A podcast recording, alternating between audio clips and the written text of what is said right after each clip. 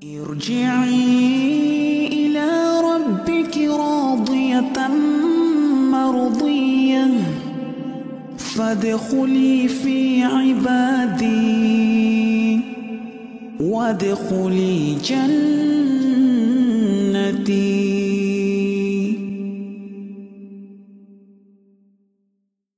Taib. Barakallahu fikum. Ma'asyiral ikhwa wal akhwat fiddin rahimakumullah ya. Al Hayyu Al Qayyum adalah dua nama Allah Subhanahu wa taala yang sangat agung. Disebutkan secara bergandengan di dalam beberapa ayat Al-Qur'an. Dan karena agungnya kedudukan dua nama yang maha indah ini sampai-sampai sebagian dari para ulama menyebutkan inilah nama Allah Subhanahu wa taala yang paling agung. Inilah nama Allah Subhanahu wa taala yang disebut dengan Ismullahil A'zam, nama Allah yang paling agung. Alladzi idza du'iya bihi ajab wa idza su'ila bihi a'ta. Yaitu nama Allah yang jika Allah diminta dengannya, maka dia akan kabulkan permintaan tersebut dan jika seseorang berdoa dengannya maka Allah akan penuhi permohonannya. Ini pendapat sebagian dari para ulama tentu saja dan punya landasan yang kuat. ya meskipun pendapat yang terkuat saya sudah pernah isyaratkan dalam hal ini ya, nama Allah Subhanahu wa taala yang paling agung itu bukanlah satu nama. Ya, karena ada juga yang mengatakan Allah itulah nama yang paling agung tapi dia lebih dari satu nama termasuk Al-Hayyu Al-Qayyum adalah termasuk Ismullahil A'zam, nama Allah yang paling agung. Allah juga termasuk Ar-Rahman ya, Ar-Rabb dan yang lainnya nama-nama Allah Subhanahu wa taala yang kandungan maknanya luas mencakup semua makna nama-nama Allah Subhanahu wa taala dan sifat-sifat yang lain. Baik. Sekarang kita akan bahas Al-Hayyu dan Al-Qayyum. Kita akan baca keterangan Syekh Abdul Razak hafizahullah taala sambil kita jelaskan insyaallah dengan memohon pertolongan kepada Allah Subhanahu wa taala. Beliau berkata, "Wahuma ismani warada fil Qur'ani muqtarinaini fi thalatha fi thalathati mawadhi'a. Ini adalah kedua nama, adalah dua nama dari nama-nama Allah yang maha indah. Yang keduanya disebutkan di dalam Al-Quran bergandengan di tiga tempat. Kalau yang tidak bergandengan tentu ada yang lain, tapi yang bergandengan Al-Hayyu Al-Qayyum disebutkan di tiga ayat. Pertama tentu di ayat kursi. Surat Al-Baqarah ayat 255. A'udzubillahi minasyaitonirrajim. Allahu la ilaha illa huwal hayyul qayyum. Allah Subhanahu wa taala tidak ada sembahan yang benar kecuali Dia yang maha hidup lagi maha berdiri sendiri dan menegakkan makhluknya. Wathani fi awali surati Ali Imran. Yang kedua adalah di ayat pertama surat Ali Imran. ya ayat kedua surat Ali Imran ya. Alif lam mim Allahu la ilaha illa huwal hayyul qayyum. Alif lam mim Allah tidak ada sembahan yang benar kecuali Dia yang maha hidup lagi maha berdiri sendiri dan menegakkan makhluknya. Wathalith dan yang ketiga di surat Toha ayat 111. Wa anatil wujuhu lil hayyil qayyum. Dan semua wajah pada hari kiamat nanti wajah-wajah akan tertunduk di hadapan Allah yang maha hidup lagi maha qayyum berdiri sendiri dan menegakkan makhluknya. Ini saya terjemahkan selalu begitu karena saya mengikuti makna yang dicakup dari nama ini ya karena dia mengandung dua makna Allah Subhanahu wa taala Maha berdiri sendiri dan sekaligus Maha mendirikan atau menegakkan makhluknya. Jadi inilah ayat-ayat yang menyebutkan tentang kedua nama ini secara bergandengan. ya.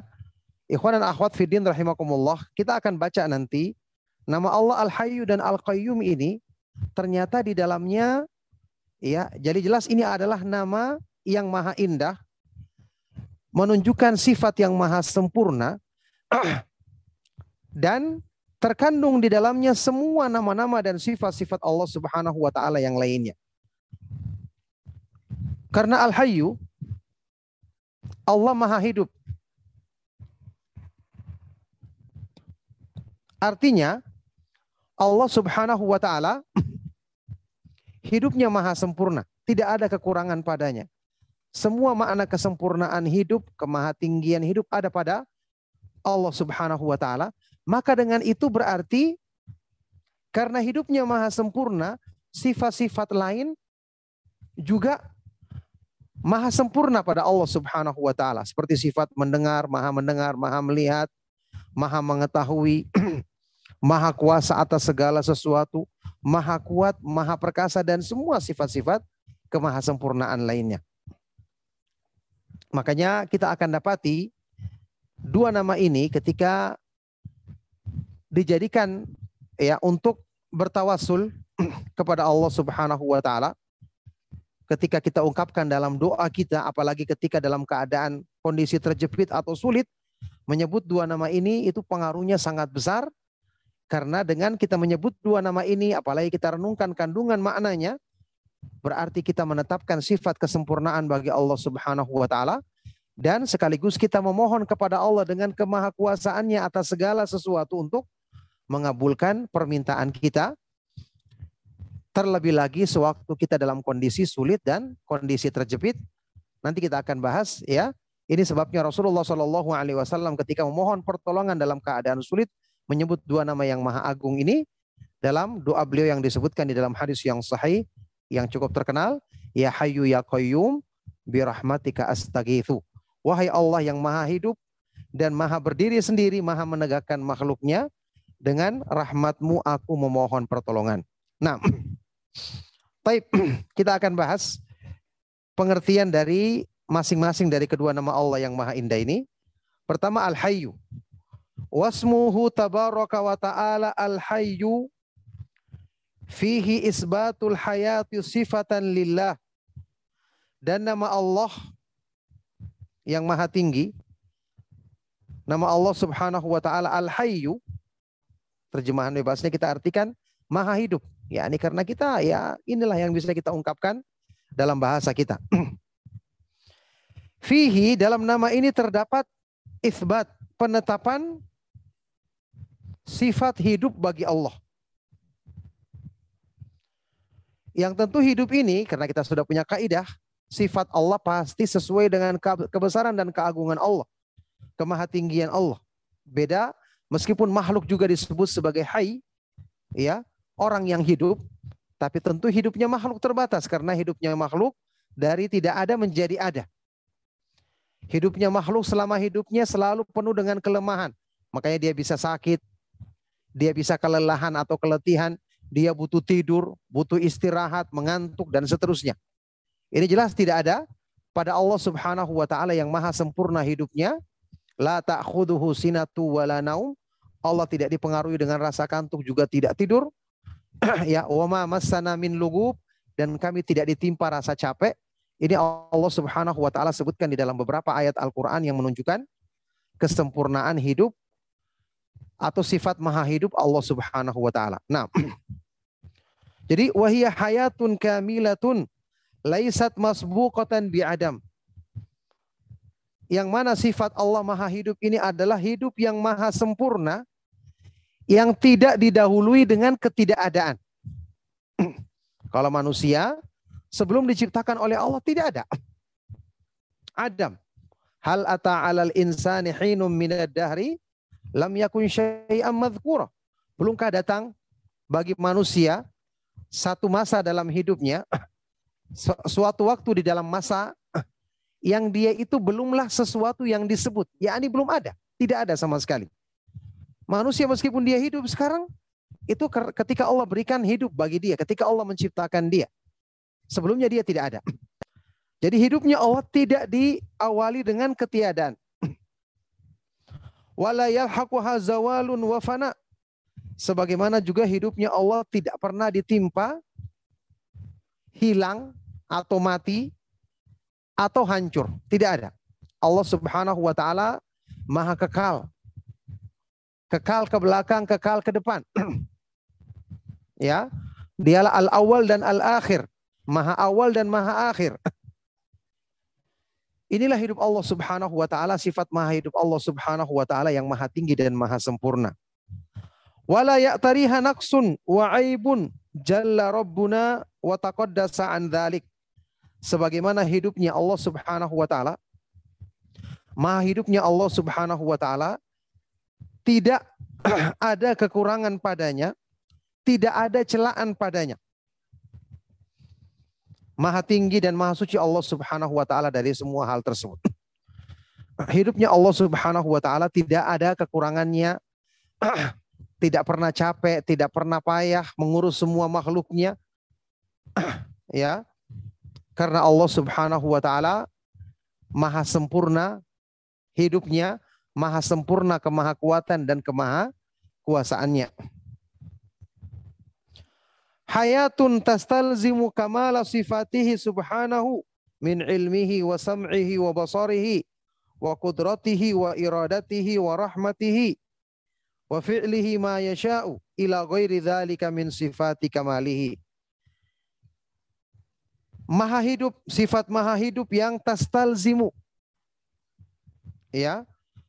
Yang mengandung konsekuensi kesempurnaan sifat-sifat Allah lainnya kemahasempurnaan sifat-sifat Allah lainnya. Seperti ilmunya Allah pasti maha sempurna, pendengarannya Allah pasti maha sempurna, penglihatan Allah pasti maha sempurna, kemahakuasaan Allah pasti maha sempurna, kehendak Allah pasti maha sempurna, rahmatnya maha sempurna, Allah berbuat apa yang dikehendakinya maha sempurna, dan sifat-sifat kemahasempurnaan lainnya. Karena hidupnya sempurna. Karena hidupnya sempurna berarti menjadikan Allah Subhanahu wa taala pasti sifat-sifat yang ada pada zatnya maha sempurna, maha tinggi dan maha mulia. Tidak ada kekurangan sedikit pun padanya. Wa man hadha sya'nuhu huwa alladhi yastahiqqu an yu'bada wa yurka'a lahu wa yusjad. Maka barang siapa yang memiliki sifat-sifat seperti ini, barang siapa yang begini keadaannya, pasti dialah yang berhak untuk disembah satu-satunya diibadahi semata-mata, dialah yang berhak untuk kita ruku dan sujud padanya. Coba bayangkan, kita memahami nama Allah Subhanahu wa taala Al-Hayyu saja yang dengan itu konsekuensinya kita menetapkan sifat-sifat kesempurnaan Allah, ini akan menarik hati kita, meyakinkan di hati kita bahwa tidak ada yang berhak disembah kecuali hanya Allah Subhanahu wa taala semata-mata karena cuma dia satu-satunya yang memiliki sifat sifat-sifat maha sempurna yang ini merupakan ya konsekuensi dari kita menetapkan sifat al-hayatul kamilah, sifat maha sempurna dari hidupnya Allah Subhanahu wa taala. Nah, kama qala Allah taala sebagaimana yang Allah Subhanahu wa taala sebutkan dalam firman-Nya di surah Al-Furqan ayat 58 Wa tawakkal 'alal hayyil ladzi la yamut.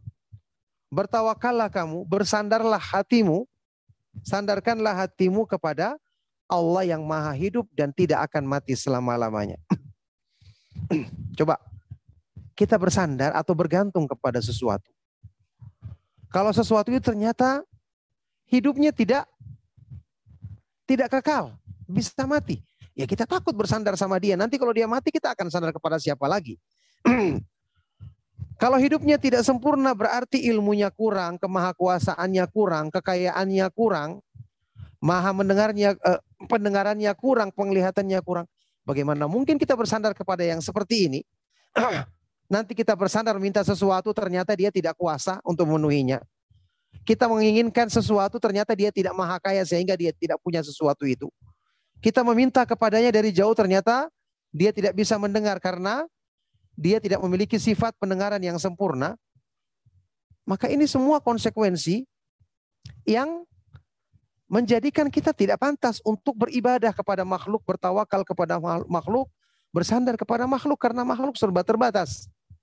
Cuma Allah Subhanahu wa taala yang maha sempurna yang hati kita yakin dan memang itulah tuntutan fitrah di hati kita untuk hanya semata-mata menghadapkan diri kepada Allah hanya semata-mata beribadah kepada Allah Subhanahu wa taala, hanya semata-mata bersandar diri bergantung kepada Allah Subhanahu wa taala yang maha sempurna sifat-sifat yang ada pada zatnya.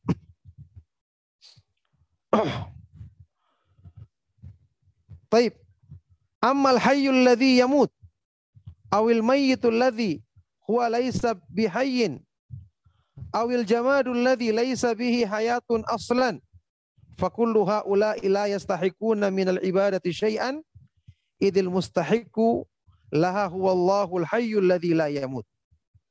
Adapun sesuatu yang hidup tapi bisa mati atau sesuatu yang mati yang memang sama sekali tidak hidup. Atau misalnya al-jamad, benda. Benda mati yang sama sekali tidak punya kehidupan.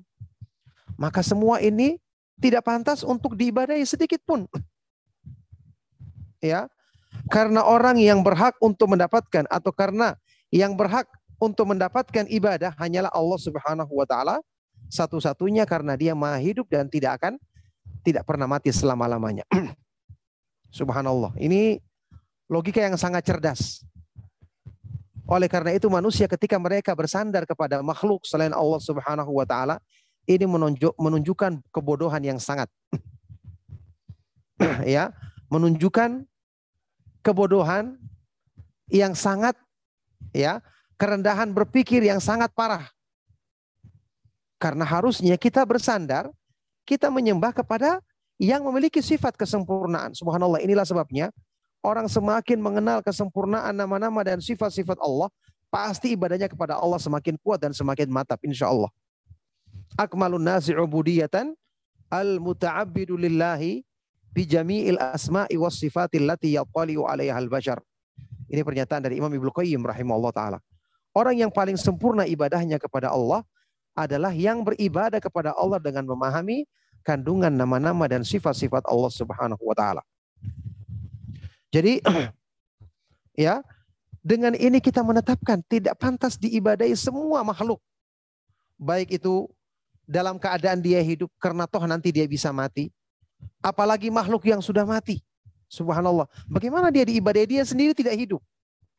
Atau benda mati yang sama sekali asalnya tidak pernah punya kehidupan. Semua ini ya sembahan-sembahan yang dijadikan sembahan oleh orang-orang musyrik ternyata semua secara logika berpikir yang sehat sangat-sangat tidak masuk akal. Nauzubillah min dzalik. Nah. Kalau Allah Ta'ala, Allah Subhanahu wa Ta'ala berfirman di surat Ghafir atau surat Mukmin ayat 65, Huwal hayyu la ilaha illa huwa fad'uhu fad'uhu mukhlishina lahuddin alhamdulillahi rabbil alamin. Dialah Allah yang maha hidup. Tidak ada sembahan yang benar kecuali kecuali Dia. Fad'uhu maka berdoalah kalian kepadanya semata-mata dengan mengikhlaskan baginya agama. Alhamdulillahi rabbil alamin. Segala puji bagi Allah Subhanahu wa taala Rob yang maha menguasai alam semesta beserta isinya. Jadi inilah ya perenungan yang akan membawa kita untuk menetapkan tauhid dengan sesungguhnya. Penetapan yang bersumber dari hati kita karena keyakinan hati kita tentang kemahasempurnaan sifat hidupnya Allah Subhanahu wa taala, tentang kemahasempurnaan sifat qayyumiyah, kemahategakan maha berdiri sendiri dan maha menegakkan makhluknya yang ada pada Allah, yang pada yang ada pada Allah Subhanahu wa taala. nah. Taib. Wa qad kana min du'ai sallallahu alaihi wasallam dan sungguh termasuk doa yang diajarkan oleh Rasulullah sallallahu alaihi wasallam ya hadis riwayat Bukhari Muslim. Dari sahabat Abdullah ibnu Abbas radhiyallahu taala anhuma Rasulullah SAW mengajarkan doa, Allahumma laka aslamtu wa bika amantu wa alaika tawakkaltu wa ilaika anabtu wa bika khasamtu Allahumma inni a'udhu bi'izzatika la ilaha illa anta antudhillani antal hayyul ladzi la yamut wal jinnu wal insu yamutun Ya Allah hanya kepadamulah aku aslam tu. Beristislam, tunduk sepenuhnya. Tunduk lahir dan batin. Kepadamulah aku beriman. Hanya kepadamu aku berserah diri, bertawakal, bersandar hati. Kepadamulah aku kembali dan karena mula aku khasam tu mendebat musuh-musuhku, mendebat musuh-musuh Allah. Ya Allah, sesungguhnya aku berlindung dengan kemaha perkasaanmu. Tidak ada sembahan yang benar kecuali engkau. Ya, aku berlindung agar engkau tidak menyesatkan aku. Engkau adalah yang maha hidup dan tidak akan mati. Sedangkan jin dan manusia semua mereka akan mati. Ini doa dalam hadis yang sahih riwayat Bukhari dan Muslim. Bagaimana Rasulullah Shallallahu Alaihi Wasallam setelah menyebutkan sikap ketundukan, iman yang benar, penyerahan diri, tawakal, selalu kembali kepada Allah, selalu melakukan permusuhan karena Allah. Setelah itu Rasulullah SAW menyebutkan nama Allah Subhanahu Wa Taala Al Hayy, Maha Hidup, untuk menetapkan peribadatan hanya bagi Allah Subhanahu Wa Taala semata-mata, karena Dia yang Maha Hidup dan tidak akan pernah mati sementara semua jin dan manusia pasti akan mati.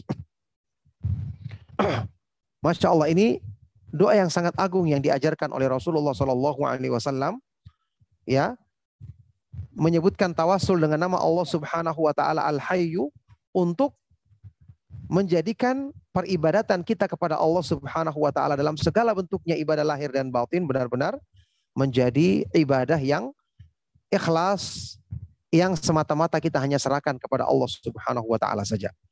nah, baik. Itulah makna dari nama Allah Subhanahu wa taala Al-Hayyu. Jadi Allah Al-Hayyu berarti dalam terjemahan bebasnya yang maha sempurna hidupnya.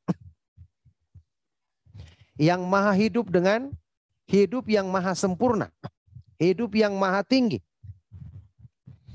yang mengandung konsekuensi di dalamnya semua kesempurnaan sifat-sifat Allah sebagaimana yang tadi kita jelaskan.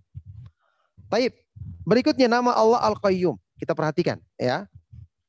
Wasmuhu tabaraka wa ta'ala Al-Qayyum. Dan nama Allah Subhanahu wa taala Al-Qayyum Al-Qayyum tentu antum tahu asalnya kalau Al-Hayat Al-Hayy Al-Hayyu dari kata-kata Al-Hayatu artinya hidup. Al-Qayyum dari kata-kata qama yakumu, qiyam, artinya berdiri. ya. Maka Al-Qayyum ini termasuk siagul mubalaghah yang menunjukkan pengertian yang sangat dalam bahasa Arab. Fihi itsbatun fihi itsbatul qayyumiyati sifatan lillah. Di dalam nama Allah yang Maha Indah ini terdapat penetapan Al-Qayyumiyah sebagai sifat bagi Allah. Maha berdiri sendiri, maha menegakkan makhluknya. Wahia kaunuhu subhanahu qa'iman binafsihi. Lihat cakupan maknanya ya. Yaitu artinya Allah subhanahu wa ta'ala maha berdiri sendiri. Mukiman li khalqihi. Dan maha menegakkan makhluknya. Ini jamaah sekalian rahimakumullah, ikhwan dan akhwat, para peserta kajian sahabat ilmu dan mais rahimakumullah. Ada sebagian di antara nama-nama Allah ya, jelas antum ketahui juga susah untuk kita terjemahkan dalam bahasa Indonesia. Karena mencakup harus lebih dari ya harus dari dua kalimat sempurna. Kayak seperti ini. Al-Qayyum. Maha berdiri sendiri, juga menegakkan makhluknya. Ya menegakkan makhluknya bisa diartikan maha mengurus makhluknya. Sama saja. ya karena menegakkan di sini menegakkan semua urusan mereka. Ah, cuman terdiri dari dua. Contoh seperti nama Allah Al-Wadud. Al-Wadud ini mencakup dua makna juga. Dia mencintai hamba-hamba yang beriman dan hamba-hamba yang beriman mencintainya. Jadi kadang-kadang kita menerjemahkannya ya harus menyebutkan semua. Contoh nama Allah misalnya Apalagi Arab. Arab ini paling susah. Mungkin kita bisa artikan dengan Tuhan. ya. Meskipun kita juga perlu meninjau kembali. Karena Arab artinya yang maha menciptakan, mengatur alam semesta, maha memberi rezeki, mengurus semua urusan makhluknya. Ini cakupan maknanya luas. Ya. Contoh seperti misalnya nama Allah Al-Hakim. Juga Al-Hakam. Kita artikan dalam terjemahan bahasa Indonesia disebutkan biasanya maha bijaksana. Ya ini bijaksana mungkin ada yang dekat-dekat begitu ya. Agak dekat maknanya. Tapi secara aslinya Al-Hakim, Al-Hakim ini kan mencakup dua. Ada hukum, ada hikmah. Kalau saya selalu secara bahasa saya terjemahkan yang maha sempurna hukum dan hikmahnya. Kalau hukum ya termasuk hukum-hukum ketentuan takdirnya. Kemudian apalagi hukum syariatnya. hikmah, ya ini hikmah itu artinya adalah menempatkan segala suatu tempat pada tempatnya. Beda dengan hukum. Makanya kadang-kadang kita menerjemahkannya ya kita pilih bahasa yang paling pas untuk mencakupi semua maknanya. Baik. Kata Syekh Abdul Razak selanjutnya, wasmuhu iya. Fahuwa is fahuwa ismun dalun ala amraini berarti nama Allah Al-Qayyum ini kata beliau adalah nama yang menunjukkan dua perkara maknanya. Yang secara makna menunjukkan dua hal. Al awal yang pertama, kamalu gina Rabbi subhanahu fahuwal qaimu binafsihi al-ghaniyu an khalqihi. Berarti yang pertama kemahasempurnaan sifat gina, sifat maha kaya Allah. Sifat maha kaya Allah Subhanahu wa taala. Maka dia adalah yang maha berdiri sendiri. Tidak butuh kepada semua makhluknya. Kama qala subhanahu wa ta'ala sebagaimana firman Allah subhanahu wa ta'ala di surat Fatir ayat ke-15 Ya ayyuhan nasu antumul fuqara'u ilallahi wallahu huwal ghaniyul hamid. Wahai sekalian manusia, kalian adalah makhluk-makhluk yang fakir, miskin dan sangat butuh kepada Allah dan Allah Subhanahu wa taala dialah yang maha kaya lagi maha terpuji. Kita harus ingat jemaah sekalian rahimakumullah, kita sebagai makhluk manusia, jin dan semua makhluk sifat asal yang ada pada zat mereka adalah lemah dan penuh dengan kekurangan, butuh untuk bergantung kepada Allah. Itu sifat asal kita. ya. Sedangkan Allah Subhanahu wa taala sifat asalnya adalah al-ghina, maha kaya pada dirinya, maha tidak butuh kepada makhluknya. Makanya orang yang tidak beribadah kepada Allah pasti kurang dan cacat hidupnya. Pasti urusannya berantakan. Pasti pikirannya tidak pernah tenang. Hidupnya tidak pernah damai. Keadaannya selalu buruk dan rusak. Itu sudah pasti. Kenapa? Karena sifat asal yang ada pada dirinya yang tidak mungkin manusia bisa terhindar darinya, tidak bisa dipenuhinya dengan baik. Itu sifat kekurangan, sifat kelemahan yang menjadi sifat asal yang ada pada diri manusia. Oleh karena itu, orang yang tidak mengenal Allah, tidak beribadah kepada Allah, pasti rusak hidupnya, kacau semua keadaannya, apalagi kalau dia menyembah kepada selain Allah Subhanahu wa taala. Makanya hati manusia tidak ada cara untuk bisa menenangkannya, menjadikannya selalu damai, pikiran manusia selalu tenang, hidupnya selalu teratur dan baik. Kecuali dengan kembali kepada Allah Subhanahu wa taala untuk beribadah kepadanya semata-mata. Ala bidzikrillahi tatma'innul qulub. Ketahuilah hanya dengan mengingat Allah Subhanahu wa taala hati manusia menjadi menjadi tenang. Baik.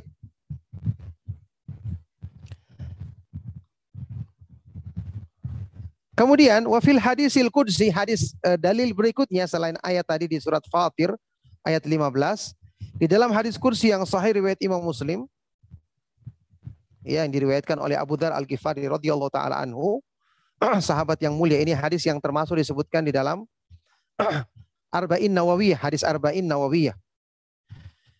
Allah Subhanahu wa taala berfirman, "Innakum la tablughu durri fatadurruni walan tablughu naf'i fatanfa'uni." Wahai sekalian manusia, kalian tidak akan mencapai tidak akan bisa mencapai kemadorotan untuk memberikan madorot kepadaku. Memberikan bahaya kepada Allah. Sebagaimana kalian tidak akan bisa mencapai kemanfaatan untuk memberikan kemanfaatan kepada Allah. Tidak bisa. Kalau kita lihat kelengkapan hadis kursi ini, Allah Subhanahu wa taala berfirman, ya, Ya ibadi law anna awwalakum wa akhirakum wa insakum wa jinnakum kanu ala atqa qalbi rajulin wahidin minkum ma zada dzalika fi mulki syai'a. Wahai hamba-hambaku, seandainya orang yang paling pertama hidup dari kalian, jin dan manusia, semua dalam keadaan setakwa-takwanya hati, sebaik-baiknya hati, semua rajin beribadah. Hal itu tidak menambah sedikit pun dari kekuasaanku, kata Allah. Sebaliknya kalau semua jin dan manusia dari pertama hidup sampai terakhir, semua dalam keadaan durhaka, seburuk-buruknya hati, itu tidak mengurangi sedikit pun dari kemahakuasaan Allah Subhanahu wa taala. Jadi ini menunjukkan kemahasempurnaan sifat kecukupan Allah pada dirinya. Dia tidak butuh kepada amalan kita. Makanya kalau kita renungkan, memang ya yang paling luas rahmatnya di antara semua yang mungkin memberikan rahmat kayak sayang kepada kita adalah Allah Subhanahu wa taala. Kenapa? Allah yang dia yang memberikan taufik. ya, pertama dia menciptakan kita. Memberikan taufik hidayah kepada kita untuk mengenal Islam. Mengenal iman, mengenal sunnah Rasulullah SAW. Setelah itu, dia memberikan taufik untuk kita bisa mengamalkannya. Terhalang kita kadang-kadang tergoda dengan hawa nafsu kita, lalai, berbuat salah. Dialah yang memberikan taufik untuk kita bertobat dan kembali kepadanya. Dan dia juga yang mengajak kita untuk bertobat. Bahkan termasuk namanya adalah At-Tawwab, maha penerima tobat. Al-Ghafur, maha pengampun. Al-Afu, maha pemaaf. Setelah itu dia memberikan taufik kepada kita untuk menempuh jalan yang lurus. Dia juga yang me me menyiapkan surga dengan segala kenikmatannya. Kemudian dia Allah subhanahu wa ta'ala memberikan taufik kita untuk masuk ke dalam surga, semua itu dilakukan karena rahmatnya semata-mata, karena karunianya semata-mata, karena sifat ihsan kemahabaikannya semata-mata, sama sekali tidak butuh pamrih apa pun dari manusia. Coba kita bayangkan. Ya, Allah Subhanahu wa taala demikian. Maha sempurna rahmatnya. Kalau manusia berbuat baik sama orang lain, siapa pun dia, sampai orang tua kita, pasti ada pamrihnya. Mungkin bukan pamrihnya meminta uang atau kedudukan dari kita, tapi kan dia bangga dengan anaknya. Karena manusia butuh, orang tua butuh kepada anak. Butuh mencurahkan kasih sayangnya. Sampai pun orang yang beriman membantu kita kan ikhlas karena Allah. Tapi kan dia butuh pahala. Butuh pahala dengan perbuatannya. Yakni manusia tidak akan bisa berbuat tanpa kebutuhan apa pun sama sekali. Karena sifatnya manusia kurang, lemah. Pasti dia butuhkan sesuatu. Adapun Allah Subhanahu wa taala sifat asalnya adalah maha kaya, maha berdiri sendiri, maha cukup pada zatnya, pada zatnya maha sempurna dan maha tinggi. Semua sifat-sifat yang ada pada zatnya Allah Subhanahu wa taala. Maka ini yang menjadikan kita semakin merenungkan sifat-sifat kesempurnaan Allah Subhanahu wa taala semakin tunduk dan semakin bersemangat beribadah kepadanya semata-mata tidak ada sekutu baginya. Nah, kata Syekh selanjutnya, waginahu subhanahu an khalqihi ghaniyun dzatiyun la yahtaju ilaihim fi syai'in ghaniyun anhum min kulli wajh dan kemahakayaan Allah Subhanahu wa taala kemaha tidak butuhannya kepada makhluknya ini adalah goniyun dhati. Kemahakayaan pada zat. Tidak butuh kepada makhluknya sedikit pun. Ya, maha kaya dan tidak butuh kepada kepada makhluknya dari semua segi, dari semua sudut pandang. Makanya dengan ini kita berpikir ya, kalau ada orang yang ketika diajak untuk taat, diajak untuk berislam dengan benar, mengenal iman, mengenal sunnah Rasulullah SAW, kemudian dia enggan, bermalas-malas, atau dia masih merasa berat dan gengsi. Kita bertanya seharusnya, Anda gengsi untuk siapa? Anda merasa berat, siapa yang rugi? Anda berpaling dari ajakan tersebut, siapa yang bodoh sebenarnya? Allah tidak butuh agama Islam juga adalah agama yang mulia meskipun Anda tidak mengamalkannya. Jadi kalau kita berpikir dengan jernih, kita sendiri yang harusnya bersegera menjawab seruan Islam. Bersegera untuk memperbaiki iman. Bersegera untuk beribadah kepada Allah Subhanahu wa taala. Karena semua manfaatnya untuk kita.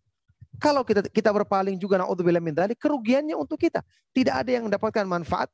Allah Subhanahu wa taala yang memberikan taufik kepada juga kepada kita juga tidak membutuhkan semua itu karena Dia Maha Kaya. Pada zatnya kebaikan-kebaikan manusia tidak menambah sedikit pun dari kemahakuasaannya sebagaimana kedurhakaan manusia tidak mengurangi sedikit pun dari kemahakuasaan dia. Maka ini menjadikan kita tahu diri bahwa ketika kita diajak dengan segala kekurangan kita ini adalah murni untuk kemuliaan dan kemaslahatan kebaikan untuk diri-diri kita, diri-diri kita sendiri. Nah, itu makna yang pertama yang ditunjukkan dari dari nama Allah Subhanahu wa taala Al-Qayyum ini. Jadi artinya Allah Subhanahu wa taala Maha berdiri sendiri, Maha kaya pada zatnya dan tidak butuh kepada makhluknya. Yang kedua, kamalu qudratihi wa tadbirihi lihadhil makhluqat. Wa huwa muqimun laha bi qudratihi subhanahu. Wa jami'ul makhluqati fakiratun ilaihi la gina laha anhu tarfata ainin. Yang kedua menunjukkan maha, uh, makna maha sempurnanya kekuasaan Allah maha kuasanya, maha sempurnanya tadbir pengaturan Allah terhadap semua makhluknya. Maka dialah yang menegakkan makhluknya atau mengurus semua makhluknya dengan kemahakuasaannya. Sedangkan semua makhluk butuh kepadanya. Mereka tidak bisa lepas dari kebutuhan kepada Allah Subhanahu wa taala meskipun cuma sekejap mata. Subhanallah ini mewujudkan makna tauhid yang sempurna dengan merenungkan makna nama Allah Subhanahu wa taala ini. Kita tahu dia yang mengatur alam semesta. Dia yang maha memberikan rezeki. Dia yang maha menentukan segala sesuatu. Dia yang maha kuasa. Menjadikan kita makhluk yang selalu kurang pada zatnya hanya menghadapkan diri, menghadapkan hati kita kepada Allah Subhanahu wa taala untuk meminta segala kebutuhan kita. Jadi merenungkan makna nama ini menjadikan kita semakin bersandar kepada Allah Subhanahu wa taala ditambah juga menjadikan kita yakin apa? Pengaturan Allah adalah pengaturan yang sebaik-baiknya, lebih baik daripada apa yang kita atur untuk diri kita sendiri. Makanya orang yang beriman yakin dengan takdir Allah Subhanahu wa taala itulah yang terbaik baginya. Ini menjadikan kita semakin tunduk kepada Allah Subhanahu wa taala, semakin selalu bersangka kepada bersangka baik kepada Allah Subhanahu wa taala dalam segala ketentuan dan pengaturannya kepada kepada kita dan semua manusia. Nah. Taib.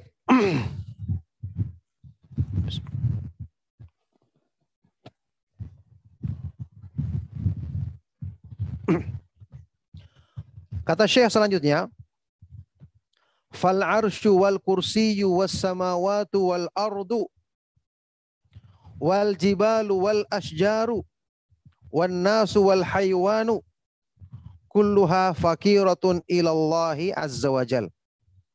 Maka arsh makhluk Allah yang paling besar dan paling tinggi. Kursi. ya. As-samawat, langit-langit dan bumi. Wal jibal, gunung-gunung, wal asjar, pohon-pohon, manusia, hewan, semuanya butuh kepada Allah Subhanahu wa taala. Ya, ini makhluk-makhluk Allah Subhanahu wa taala yang agung, semua butuh kepada Allah. Sementara manusia atau sebagian manusia dengan kebodohannya menyembah makhluk yang kecil. Ada yang datang menyembah dukun atau menyembah jin, ya, Sementara makhluk-makhluk Allah semua yang besar-besar saja semua butuh kepada Allah Subhanahu wa taala. Baik itu kursi, arsh atau kursi, langit-langit dan bumi semua gunung, pohon-pohon semua, manusia, jin, hewan semuanya. Maka oleh karena itu orang yang menyembah kepada selain Allah Subhanahu wa taala, dia menyembah sama orang yang lemah atau dia menggantungkan dirinya kepada makhluk yang lemah seperti dirinya. Ya, bagaimana mungkin akan dipenuhi hajatnya sementara yang disembahnya ini juga menggantungkan hajatnya kepada yang lain yaitu kepada Allah Subhanahu wa taala.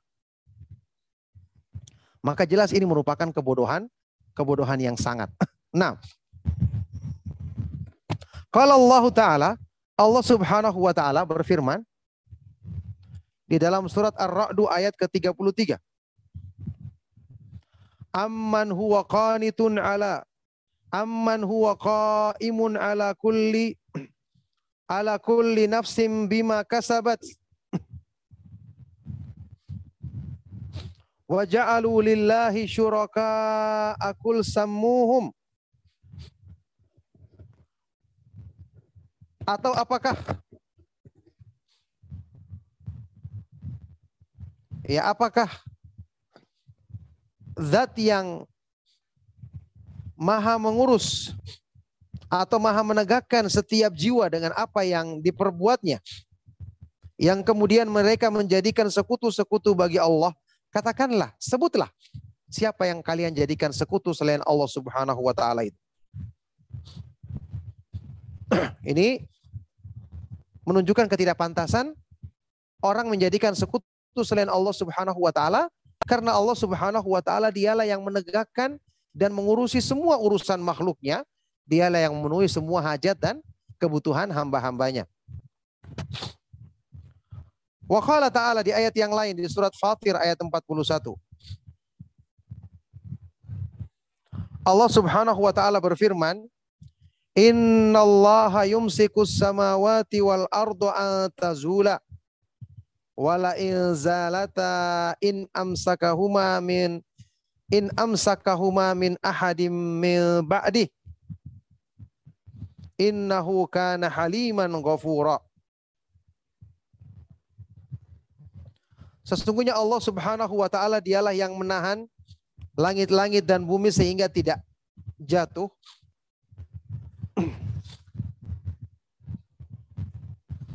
Dan ketika keduanya jatuh, tidak ada suatu pun yang bisa menahan keduanya seorang pun selain setelah Allah Subhanahu wa taala. Sesungguhnya Allah Subhanahu wa taala Maha halus lagi Maha pengampun. maha lembut lagi Maha pengampun. Nah, Kemudian firman Allah Subhanahu wa taala di surat Ar-Rum ayat ke-25. Wa min ayatihi atakumas sama'u wal ardu bi amri. Dan di antara tanda-tanda kekuasaannya yaitu tegaknya langit-langit dan bumi dengan perintah Allah Subhanahu wa taala. Dialah yang maha menegakkannya. Wal ayatu fil hadzal ma'na kathiratun dan ayat-ayat yang menunjukkan makna ini sangat-sangat banyak. Masya Allah. Jadi kita perhatikan ya Kedua nama Allah Subhanahu wa taala yang maha indah ini ketika disatukan pantas. Karena kedua-duanya kalau kita renungkan menjadikan hati kita semakin tunduk kepada Allah Subhanahu wa taala. Hati kita semakin mendapatkan tempat sandarannya yang sesungguhnya. Ya, ini mengingatkan kita nanti kita akan bahas ya. Nama Allah Subhanahu wa taala As-Samad yang secara bahasa Arab diambil dari kata-kata yasmudu menunjukkan kepadanya. Hati manusia selalu tertuju kepadanya untuk meminta segala hajat dan kebutuhan kebutuhan mereka karena semua kekurangan manusia, semua hajat dan kebutuhan mereka ada pada Allah Subhanahu wa taala dan hanya Dia yang Maha Kuasa untuk memenuhinya. Nah, fahuwa subhanahul mutasarrifu fi jami'il makhluqati al-mudabbiru likullil kainati. Maka Allah Subhanahu wa taala dialah Allah Subhanahu wa taala al-mutasarrif. Dialah yang maha berbuat. Ya. Dalam semua makhluknya, tentang urusan semua makhluknya dan maha mengatur semua makhluk. Dia yang maha berbuat, maha melakukan apa saja yang dikehendaki, tentu dengan sifat-sifat kesempurnaannya. Pada semua makhluknya sekaligus maha mengatur segala sesuatu yang ada yang ada di alam semesta ini.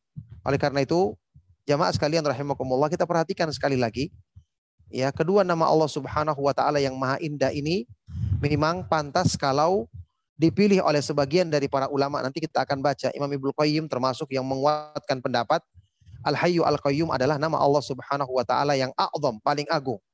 Ini juga dikuatkan oleh Syekh Muhammad bin Shalih Al Utsaimin rahimahullah taala dalam Syarah Al Aqidatul Wasitiyah ya. Karena memang kandungannya demikian agung, demikian tinggi karena meliputi semua nama-nama Allah Subhanahu wa taala dan sifat-sifat kesempurnaan lainnya dengan merenungkan kedua makna yang maha indah ini, kedua makna nama Allah yang maha indah ini menjadikan kita semakin tunduk, semakin menyempurnakan tawakal, semakin menyempurnakan peribadatan dan penghambaan diri kita kepada Allah Subhanahu wa taala lahir lahir dan batin. Tapi barakallahu fikum. Ma'asyiral ikhwa wal akhwat fid din rahimakumullah, Bapak Ibu, ikhwan dan akhwat, para peserta kajian sahabat ilmu Darmais rahimakumullah. Insyaallah saya cukupkan sampai di sini kajian kita ya biar kita beri waktu untuk pertanyaan yang lebih panjang. ya karena pembahasan berikutnya itu akan mengulas lebih dalam penjabaran dari kedua nama Allah Subhanahu wa taala yang maha indah ini. Jadi biar kita paham dulu seperti apa yang tadi dijelaskan. Nanti insya Allah untuk pertemuan berikutnya kita akan tambah lagi untuk lebih bisa mendalaminya sehingga kita lebih paham lagi tentang penjabaran dari dua nama Allah Subhanahu wa taala yang maha yang maha tinggi ini. Barakallahu fikum, saya persilakan di waktu yang masih ada untuk kita berdiskusi atau bertanya jawab dari hal-hal yang antum perlu tanyakan. Barakallahu fikum. Sallallahu wasallam wa barak ala nabiyina Muhammad wa ala alihi wa sahbihi wa man tabi'ahum bi isanin ila yaumiddin walhamdulillahi alamin. Nah. Syukran jazakallahu khairan wa barakallahu fi Ustaz atas materinya yang insya Allah uh, akan menambah pemahaman kita terhadap nama-nama Allah yang maha sempurna. Insya Allah. Allahumma amin. Uh, kami ingatkan kembali kepada jamaah sekalian di mana pun Anda berada, silahkan untuk uh, mempersiapkan pertanyaan.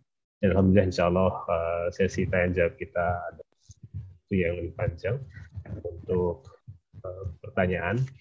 Uh, pertanyaan pertama akan kami sampaikan uh, kesempatan kepada jemaah yang sudah raise hand. Kami persilahkan Umu Koshi untuk unmute dan bertanya langsung kepada Ustaz. Silakan. Terima kasih untuk moderator Jazakallah khairan. Assalamualaikum warahmatullahi wabarakatuh Ustaz. Waalaikumsalam warahmatullahi wabarakatuh. Ya silakan. Ya, um, apa Ustaz, ini nama kajian ini Masya Allah terima kasih sebelumnya sangat uh, amat bermanfaat untuk Ana dan pastinya untuk semuanya juga Insya Allah.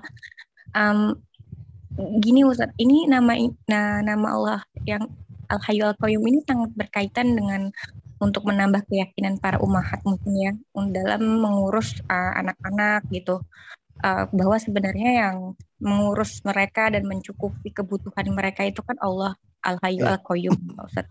Nah, namun uh, begini Ustaz, misalnya kita mempunyai saat ini dua anak Ustaz, lalu kita merasa sudah sangat uh, cukup kewalahan, merasa masih kurang ilmu untuk menambah lagi. Namun sudah misalnya ja, udah berumur tiga tahunan, sedangkan untuk mengatur jarak itu kan ada batas. Apakah ada batasnya gitu loh Ustaz? Jika kita tidak mau membatasi kelahiran, misalnya tidak mau, uh, misalnya tidak dengan dua anak saja, tapi kita ingin membatasinya itu dengan jarak yang agak jauh agar kita bisa nambah ilmu dulu nih misalnya gitu termasuk yang masih dibolehkan atau itu hanya was-was syaiton karena untuk menambah uh, apa untuk melepas KB misalnya gitu KB jarak ini agak uh, ada kekhawatiran gitu Ustaz karena merasa masih kurang ilmu dengan dua anak ini pun kayaknya kami masih butuh ilmu lagi gitu. Apakah masih ada kelonggaran waktu atau memang harus uh, dijalanin aja untuk supaya tidak terkena dosa besar membatasi anak uh, lalu sambil terus belajar gitu Ustaz. Um, Ustaz. Assalamualaikum. Jazakumullah khairan. Barakallahu Iya, barakallahu fiik. Pertanyaan yang sangat baik dan bermanfaat sekali dari beliau yang bertanya tadi. Ibu yang bertanya tadi, semoga Allah Subhanahu wa taala senantiasa melimpahkan kebaikan kepada beliau kepada keluarga dan kepada kita semua. Ya, uh, tentang pertanyaan sehubungan dengan masalah anak tadi, yang mengatur jarak kelahiran anak dengan alasan tadi dengan anak yang ada saat ini yang punya anak dua atau tiga misalnya dia sudah merasa kewalahan, dia butuh tambahan ilmu. Kita harusnya kembalikan kepada hukum asal di dalam Islam tentang masalah anak ini bagaimana? Kan kita tahu pengaturan Allah Subhanahu wa taala itu pasti yang terbaik. Hukum Allah Subhanahu wa taala pasti yang terbaik karena Allah mengatur hukum pasti sesuai dengan keadaan manusia karena dia yang paling tahu apa yang tentang keadaan makhluk yang diciptakannya. Allah Subhanahu wa taala berfirman di surat Al-Mulk, "Ala ya'lamu man khalaqa wa huwal latiful khabir?" Bukankah Allah yang menciptakan? Dialah yang mengetahui keadaan ciptaannya dan dia maha latif, maha lembut lagi maha rinci pengetahuannya. Kita ketahui di dalam Islam ya, ada anjuran untuk memperbanyak keturunan. Dan ini termasuk hal yang akan dibanggakan oleh Rasulullah SAW pada hari kiamat. Di dalam hadis yang sahih dari sahabat yang mulia Ma'akil ibnu Yasar radhiyallahu taala anhu Rasulullah SAW bersabda, tazawwajul wadud al walud fa inni mukathirum bikumul umam wa fi riwayatin fa inni mukathirum bikumul anbiya yaumal qiyamah. Nikahilah perempuan-perempuan yang penyayang dan subur ya punya banyak keturunan karena aku akan membanggakan atau memenangkan jumlah kalian yang banyak pada hari kiamat. Dalam riwayat lain karena aku akan membanggakan atau uh, memenangkan jumlah kalian yang banyak dibandingkan para para dibandingkan para nabi yang lainnya. Kemudian ayat-ayat Al-Quran, hadis-hadis yang sahih dari Rasulullah Shallallahu Alaihi Wasallam banyak menyebutkan tentang keutamaan memiliki banyak keturunan, ya karena ini akan menjadi sebab uh, pahala jariah yang terus mengalir bagi kita, bagi ibu, ya, bagi ibu dan bapak orang tuanya, karena hadis Rasulullah SAW yang sama-sama kita kenal dalam Sahih Muslim tentang uh, idza mata adam in amaluhu illa min salasin jika seorang manusia telah meninggal dunia maka terputus amalnya kecuali dari tiga yang ketiga adalah awaladin salihin yad'u lahu atau anak soleh yang selalu mendoakan kebaikan kepada orang tuanya. Ingat, di sini tidak dikatakan doanya anak yang soleh, tapi anak solehnya. Karena kalau doa itu siapa saja bisa sampai, bukan cuma dari anak saja anak itu. Jadi maksudnya semua amal kebaikan anak tersebut sampai kepada orang tuanya. Karena anak ini adalah usaha dari orang tuanya. Disebutkan di dalam hadis yang lain riwayat Imam Ahmad At-Tirmidzi dan yang lainnya. Rasulullah Shallallahu alaihi wasallam bersabda, "Inna waladahu min kasbihi." Sesungguhnya anak itu termasuk usaha orang tuanya. Ini yang dijelaskan oleh Syekh Al-Albani rahimahullah taala dalam kitab Ahkamul Janais tentang makna hadis tadi yaitu anak amal-amal anak ini sampai kepada orang tuanya secara otomatis. Berarti kalau orang yang punya anak banyak, kemudian dia bisa mendidiknya dengan baik, dan pendidikan ini Allah akan mudahkan karena Allah sendiri yang syariatkan. Rasulullah SAW sendiri yang yang memerintahkan. Maka tentu ini menjadi kebaikan besar bagi ya bagi orang tersebut ya sampai-sampai disebutkan di dalam hadis sahih yang lainnya Rasulullah SAW bersabda Inna rojula la turfa'u lahu darajatuhu fil jannati. Fayaqulu anna li faqila lahu bistighfari waladika lak. Ada seorang nanti ya, ketika di akhirat dia mendapati tempatnya sangat tinggi di surga. Dia sendiri tidak mengetahui dari mana amal yang dia lakukan sampai bisa menempati kedudukan tersebut. Ada yang seperti ini.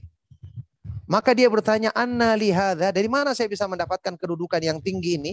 Maka dijawab, ya, bistighfari waladika laka karena banyaknya permohonan ampun yang disampaikan anakmu kepadamu. Karena banyaknya doa kebaikan yang disampaikan anakmu kepadamu sehingga menjadikan kedudukan orang tuanya sangat tinggi di akhirat nanti.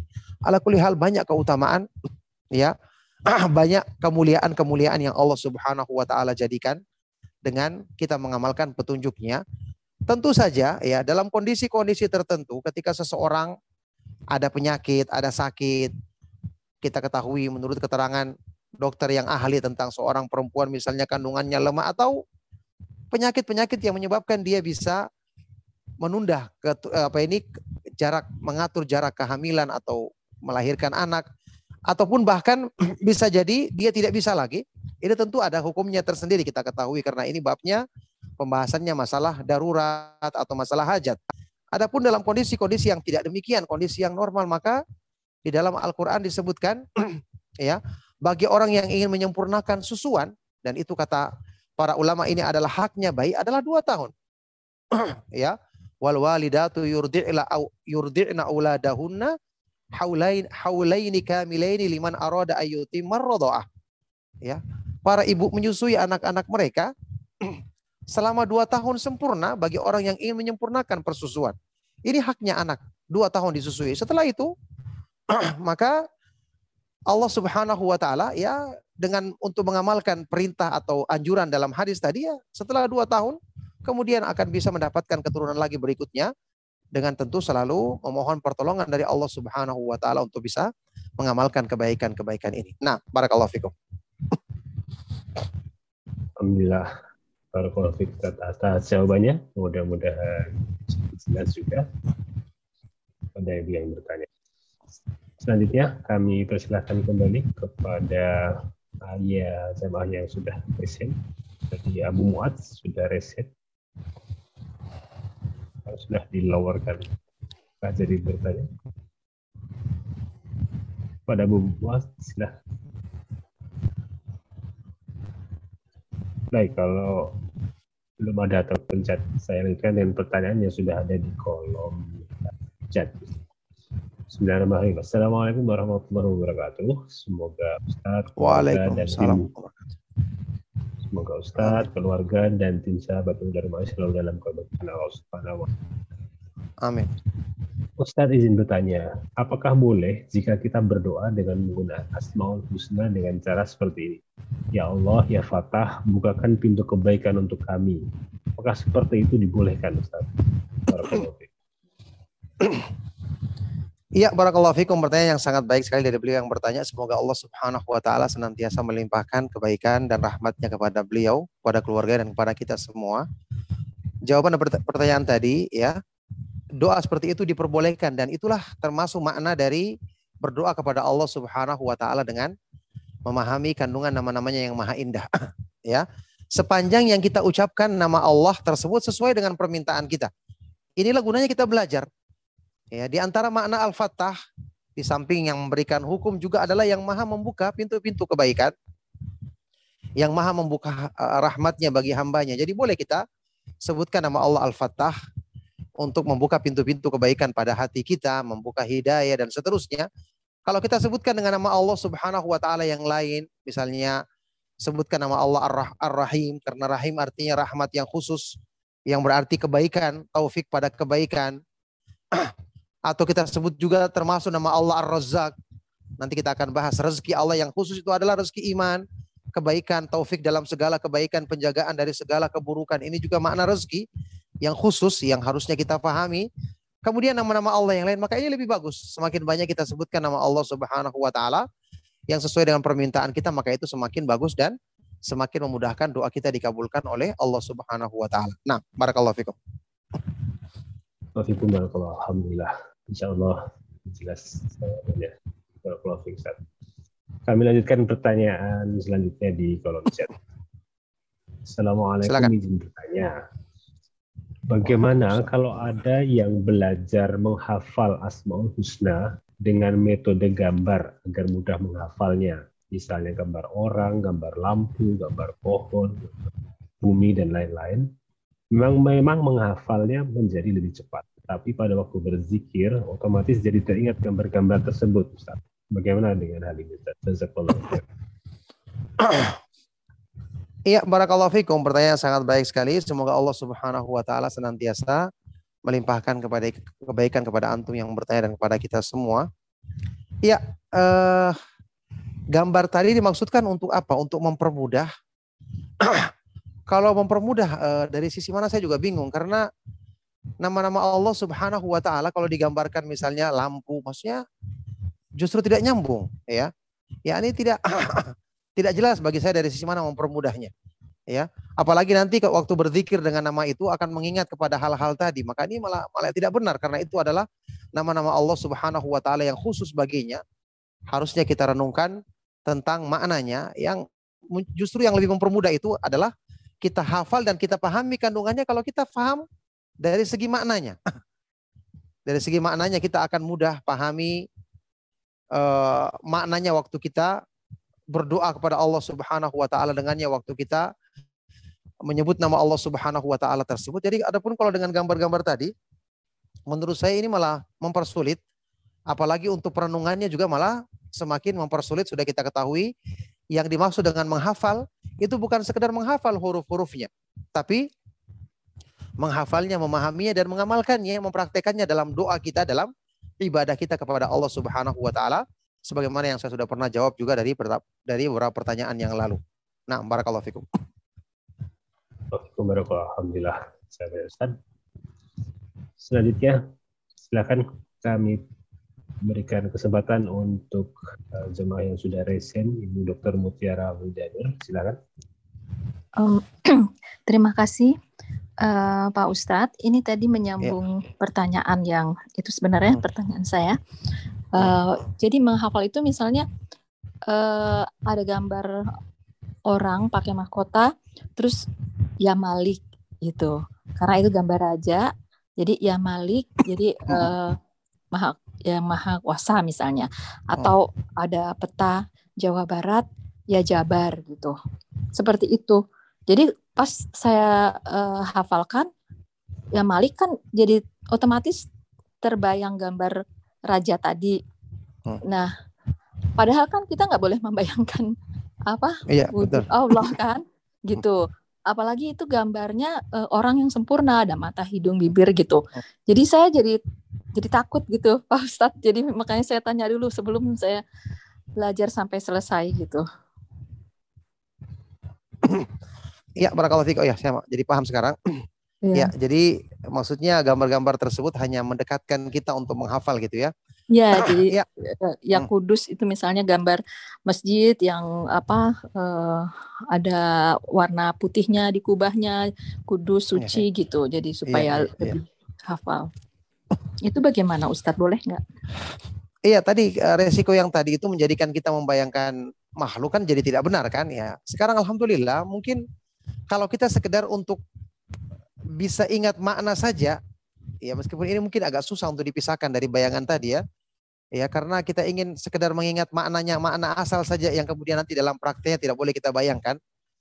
Ya, itu boleh-boleh saja kalau sekedar tujuannya untuk itu. Tapi ini saya pikir tidak dibutuhkan karena terbukti banyak yang bisa dengan metode yang benar, tidak perlu dengan cara membayangkan seperti ini, tetap dia mudah untuk bisa menghafalnya. Sekarang ya kan termasuk di antara metode yang memudahkan kita menghafal sesuatu, apalagi zikir atau doa, apalagi doa dengan asmaul husna adalah kita tulis, nanti kita sering baca.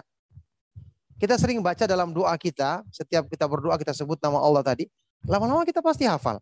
Kayak contoh zikir, zikir yang panjang kalau kita baca terus sekali, dua kali, sampai lima kali, sepuluh kali, kita baca lama-lama kita hafal dengan sendirinya. ya, yang jelas, insya Allah eh, metode yang diajarkan oleh Rasulullah SAW dan para sahabat, kalau kita hafal dan selama kita menghafal pun sampai kalaupun kita lupa-lupa kita buka lagi misalnya, kan tidak sia-sia usaha kita dapat pahala. Dari Allah Subhanahu Wa Taala daripada yang tadi yang risikonya tadi sudah dirasakan sendiri disebutkan sendiri bahwasanya bisa menjadikan kita membayang-bayangkan makhluk yang ada dalam gambar tersebut ditambah lagi kalau makhluknya sempurna ini jelas melanggar Islam dan tidak mungkin Islam mengajarkan kebaikan lewat metode yang salah ya Islam tidak mungkin mengajarkan ke- kebaikan lewat metode yang tidak benar atau salah barakallahu fikum nah Jazakallah khair Pak Ustadz. Terima kasih. iya, Saya paham. barakallahu fikum. Alhamdulillah, insya Allah jelas jawaban dari guru kita Ustadz Abdullah Taslim. Masih ada pertanyaan, izin saya teruskan pertanyaan di kolom chat Ustadz. Silakan. Assalamualaikum warahmatullahi wabarakatuh Ustadz. Waalaikumsalam warahmatullahi wabarakatuh. Apakah doa ya hayu, ya koyum, dan seterusnya boleh dijadikan doa andalan untuk setiap kesempatan? Jadi tidak hanya pada zikir pagi dan zikir sore saja misalnya. Barakallahu fiik. Maaf Pak, ulang awalnya tadi apa? Awalnya? Ya, apakah doa ya hayu ya koyum ini boleh dijadikan doa andalan untuk setiap kesempatan, tidak hanya pada zikir pagi dan zikir sore saja? Iya, barakallahu fikum. Uh, kaidah di dalam zikir atau bacaan-bacaan yang disyariatkan di dalam Islam. Pertama, kalau bacaan tersebut ada waktu penentuannya, ditentukan waktunya, misalnya waktu ini dibaca, waktu ini dibaca, maka hukum asalnya kita berpegang teguh dengan waktu tersebut, waktu membacanya. Kalau kita baca baca zikir tersebut. Tapi misalnya kalau kita ingin baca misalnya doa tertentu kita tahu maknanya baik, boleh kita baca di waktu lain karena memikirkan kandungan maknanya. Ya mungkin nanti kita bisa rubah sedikit lafadznya, tambahkan sedikit karena kita ingin ambil makna kandungannya itu boleh. Tapi kalau dengan wirid atau zikir yang lafadznya seperti itu dan waktunya tertentu itu lebih bagus kita baca di waktu yang tertentu tersebut karena Nabi Shallallahu Alaihi Wasallam telah menentukan waktunya di dalam hadis yang sahih maka kita berpegang teguh dengan waktu tersebut. nah sekarang al Hayyu al Qayyum kan sudah kita bahas maknanya. Ini tidak hanya tertentu di waktu yang dengan lafaz seperti tadi kita bisa baca dengan lafaz yang lain di waktu-waktu yang lain. Ya, kita pakai nama Allah Al-Hayyu Al-Qayyum misalnya untuk memudahkan kita lepas dari kesulitan masalah kita, untuk memudahkan kita lepas dari bencana yang sedang kita hadapi atau hal-hal yang lain kita sebutkan dalam doa kita bisa. Kita baca di doa di waktu-waktu yang lain tidak ada ketentuan nama Allah ini kita hanya baca di waktu tertentu ya kecuali dengan lafaz yang seperti tadi Ya Hayyu Ya Qayyum birahmatika astaghitsu. Kan ini ada waktunya tertentu. Itu pun juga bisa kita gunakan di waktu yang lain ketika kita hadapi masalah dengan mempertimbangkan maknanya bukan mempertimbangkan zikir yang tertentu di waktu yang disebutkan oleh Rasulullah Shallallahu alaihi wasallam tersebut yaitu ketika zikir pagi dan petang. Nah, barakallahu fikum.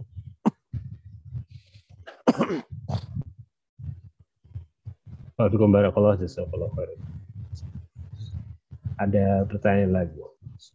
Assalamualaikum. Izin bertanya Ustadz. Ya. Bagaimana kalau kita melafazkan nama-nama Asmaul Husna berulang-ulang, tapi kita tidak tahu atau tidak hafal maknanya satu persatu?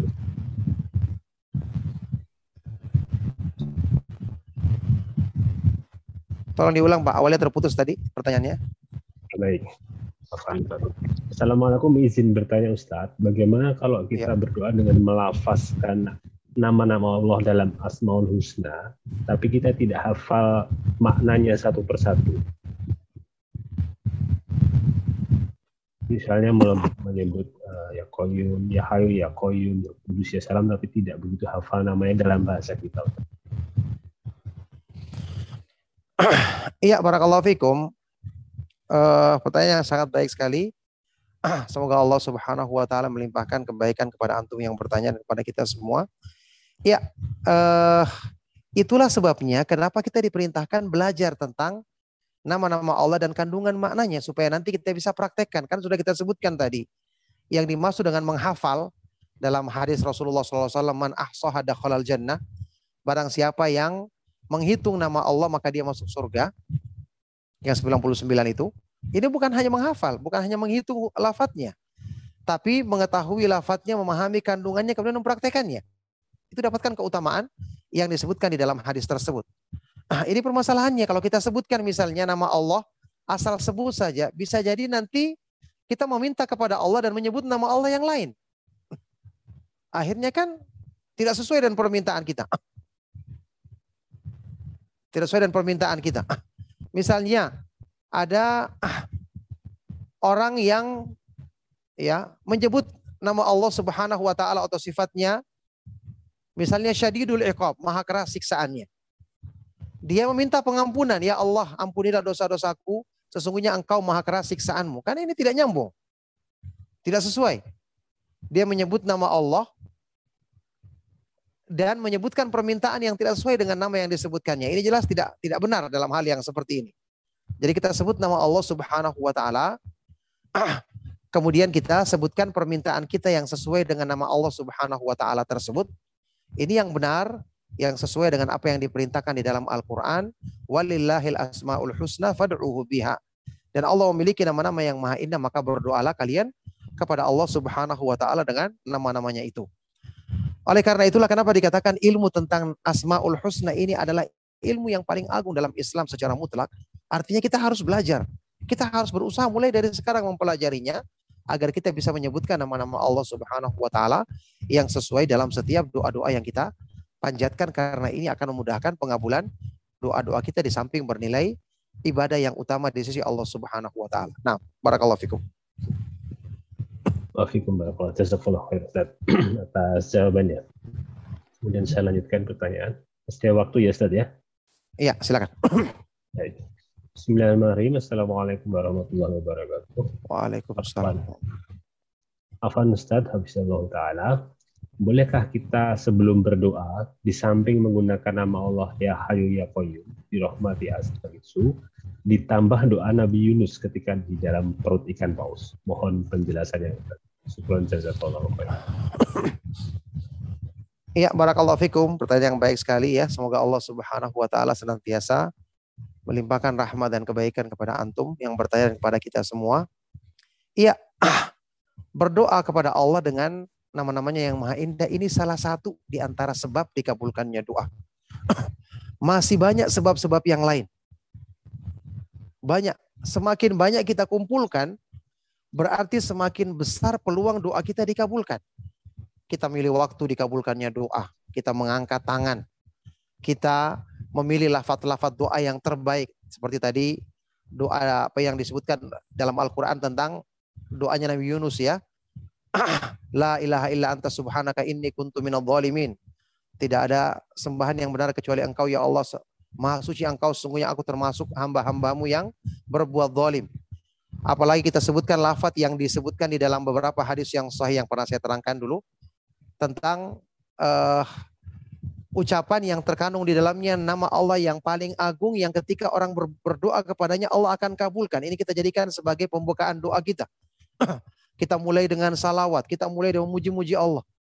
Ibnu Qayyim rahimahullah taala menjelaskan di dalam kitab uh, ada dawa ya ada doa yang terkumpul padanya sebab-sebab dikabulkan doa sampai-sampai doa ini kata beliau la takadu la yakadu yurat hampir-hampir tidak mungkin ditolak oleh Allah Subhanahu wa taala. Karena dikumpulkan padanya sebab-sebab pengkabulan yang dijanjikan di dalam Al-Qur'an dan hadis-hadis yang sahih sehingga doa ini hampir-hampir tidak akan ditolak oleh Allah Subhanahu wa taala. Saya pernah menulis juga tulis tentang masalah ini juga ada bukunya judulnya menggapai surga hati dengan ibadah lisan di antaranya ibadah lisan adalah doa. Di situ ada pembahasan mengenai masalah doa yang kalau kita perbanyak sebab-sebabnya termasuk tadi lafat-lafat doa yang diajarkan di dalam sunnah Rasulullah SAW bahwa ini doa yang tidak akan ditolak. Kemudian salawat di awalnya semakin kita perbanyak ini akan menjadikan doa kita sangat-sangat luar biasa. ya, ala hal yang jelas uh, justru yang seperti ini kita perbanyak di dalam doa kita agar doa kita semakin besar peluangnya dikabulkan oleh Allah Subhanahu wa taala dan ini menunjukkan kita sungguh-sungguh dalam berdoa kepada Allah Subhanahu wa taala karena kita bersemangat mengumpulkan sebab-sebab yang memudahkan pengabulannya. Nah, barakallahu fikum. Waalaikumsalam warahmatullahi wabarakatuh. Atas jawabannya, insya Allah bermanfaat untuk kita semua. Selanjutnya ada pertanyaan. Untuk meningkat Bismillahirrahmanirrahim. Assalamualaikum warahmatullahi wabarakatuh. Ustaz izin bertanya. Silakan. Untuk untuk kekhusuan kita atau kekhusuan diri kita dalam berdoa, uh, bolehkah berdoa sampai menangis karena kita khawatir doa kita tidak Allah kabulkan karena dosa-dosa yang kita sudah perbuat. Bagaimana hal itu? Mohon pencerahan. Iya, barakallahu fikum. Pertanyaan yang sangat baik sekali dari beliau yang bertanya semoga Allah Subhanahu wa taala memudahkan kebaikan kepada beliau dan kepada kita semua. ya.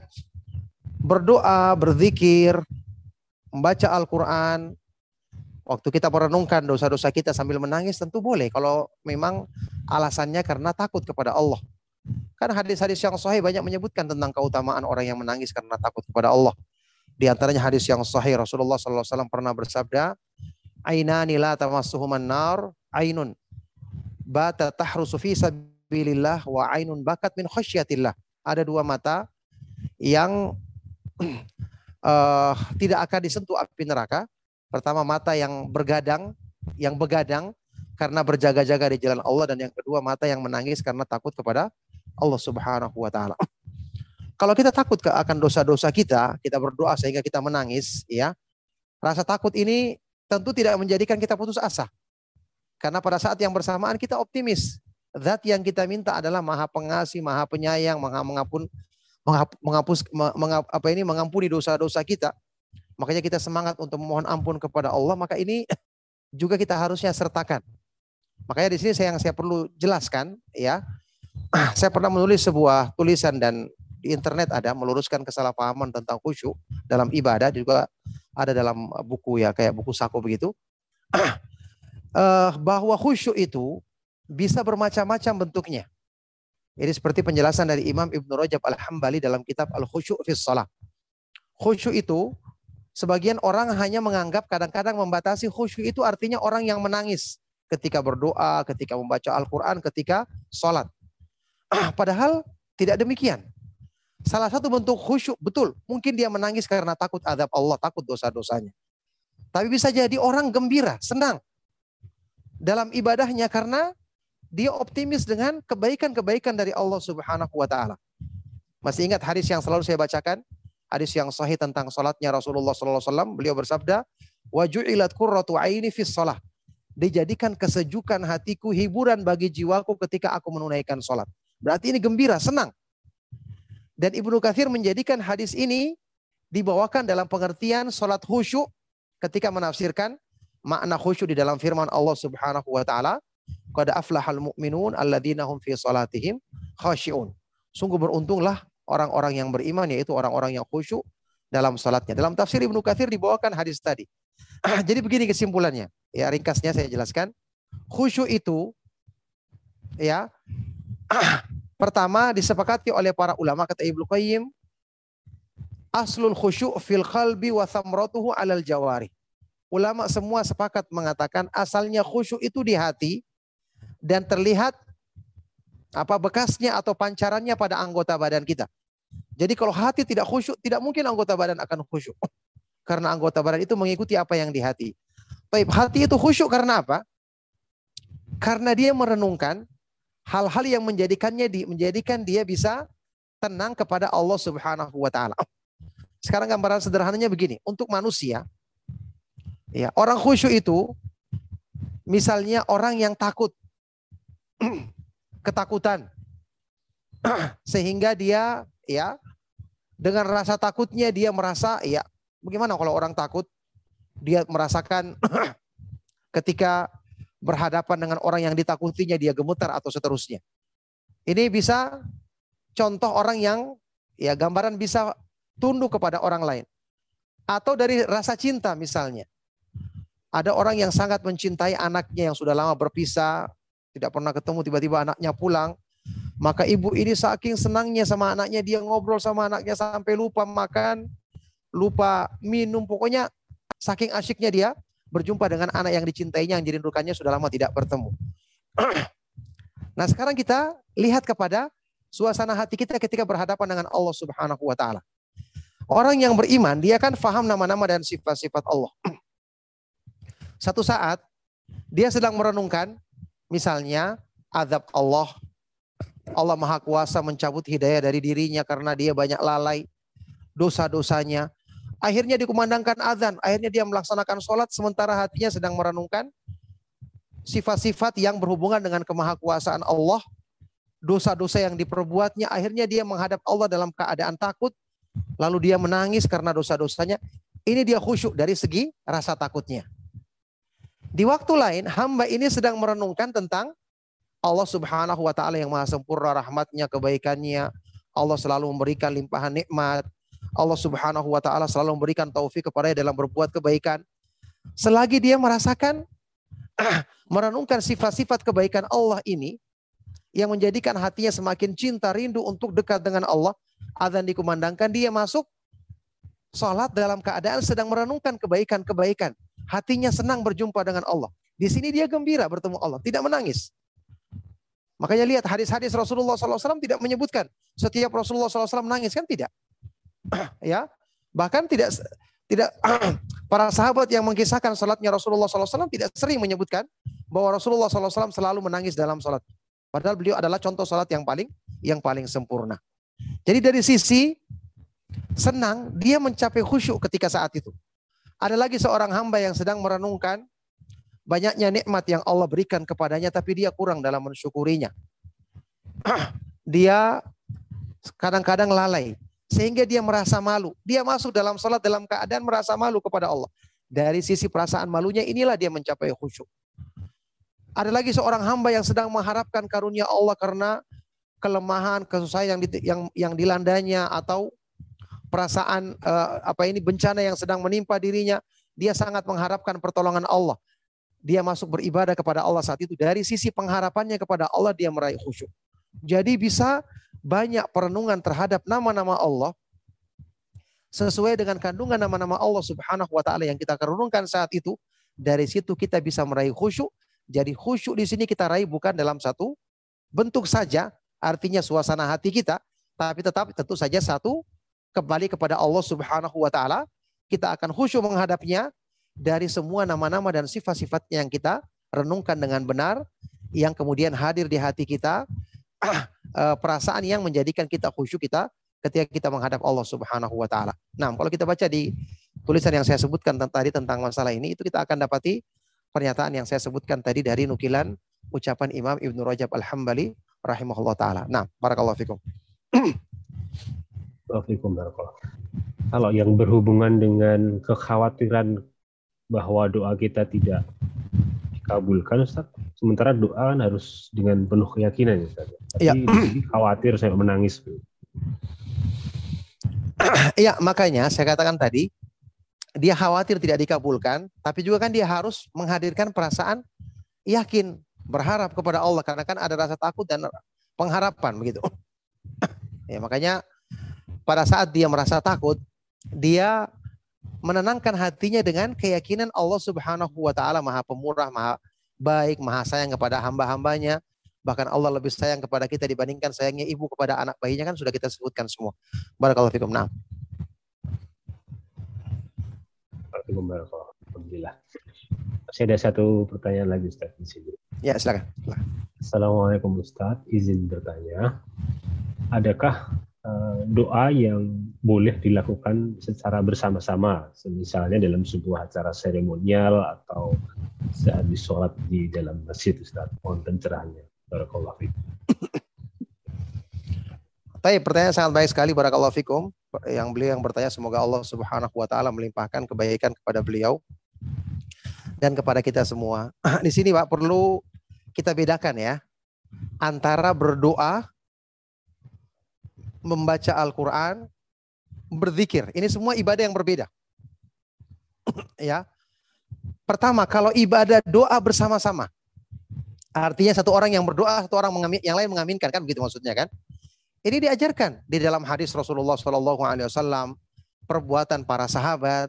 Jadi saat ini misalnya saya berdoa kepada Allah, mari kita berdoa, kita minta kepada Allah rahmatnya, kita mohon pengampunannya atau kita mohon majelis kita ini dijadikan sebagai sebab kita dapatkan ilmu yang bermanfaat, nanti dengan sebab itu kita amalkan dan kita dikumpulkan dalam surganya Allah. Kita berdoa misalnya. Saya berdoa yang lain mengaminkan. Itu boleh-boleh saja. Tidak ada masalah.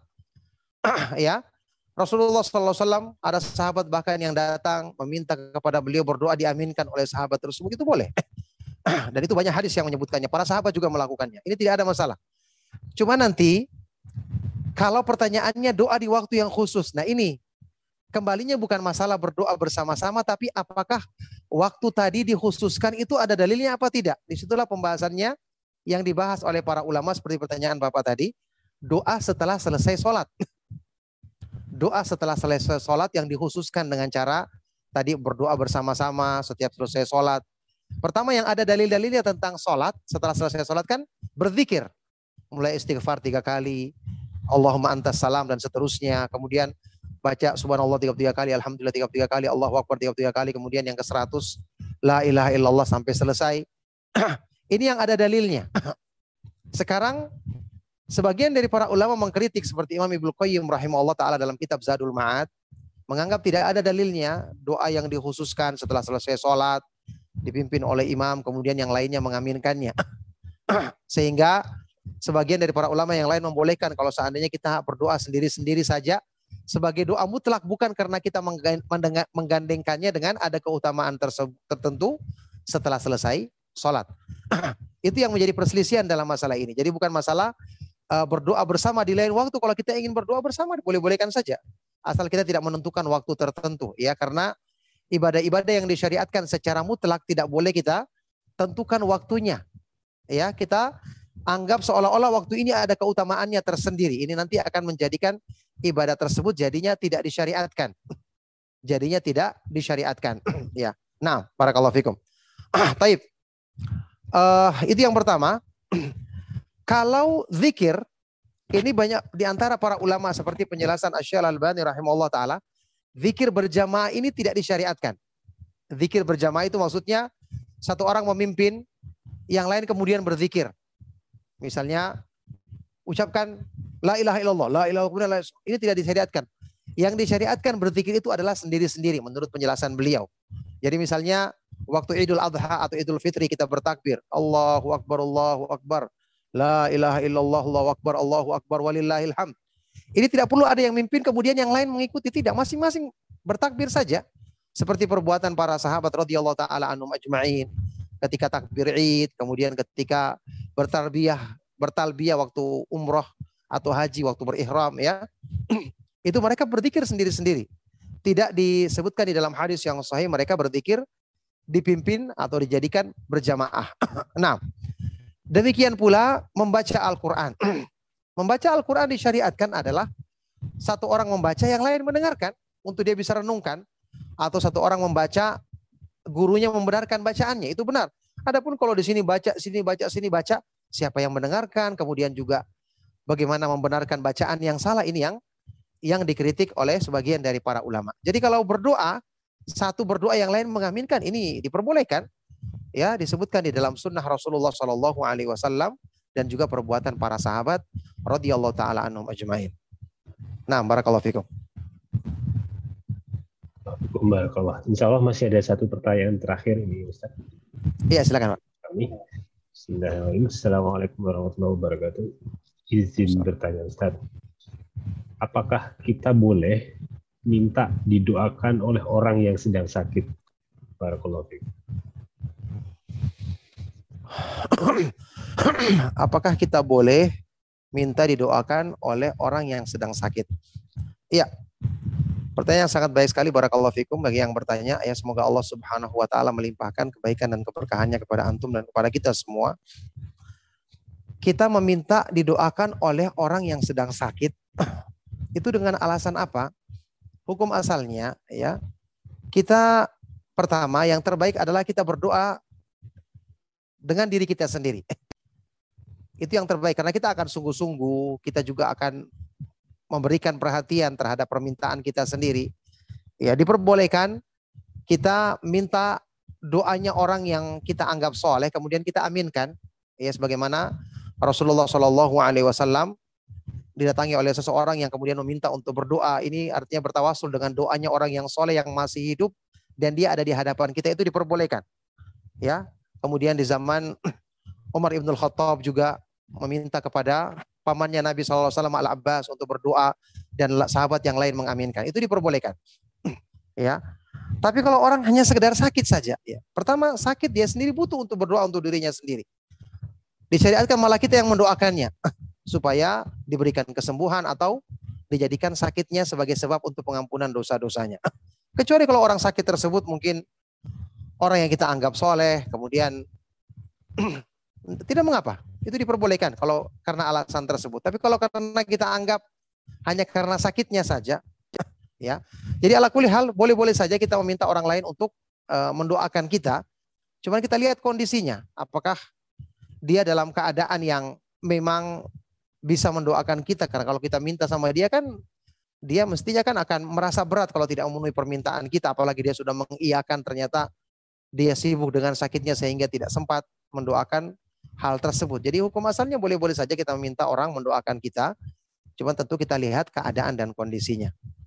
Barakallahu fikum ya. Ini pertanyaan yang terakhir yang ada di malam hari ini. Semoga kajian kita di malam hari ini bermanfaat dan pertanyaan-pertanyaan juga bisa memberikan pencerahan, menambah ilmu kepada kita yang menjadi sebab untuk mendatangkan amalan soleh agar kita dimudahkan mendapatkan keridhaan Allah Subhanahu wa taala dan dimudahkan istiqamah di atas petunjuk agamanya sampai kita menghadapnya pada hari kiamat nanti. Mohon maaf atas segala yang salah dan kurang saya cukupkan. Sallallahu wasallam wa barak ala nabiyina Muhammad wa ala alihi wa sahbihi wa man tabi'ahum bi ihsan ila yaumiddin. Walhamdulillahi rabbil alamin. Subhanakallahumma wa bihamdika asyhadu an la ilaha illa anta astaghfiruka wa atubu ilaik. Wassalamualaikum warahmatullahi wabarakatuh. Irji'i ila راضية مرضية فادخلي في عبادي.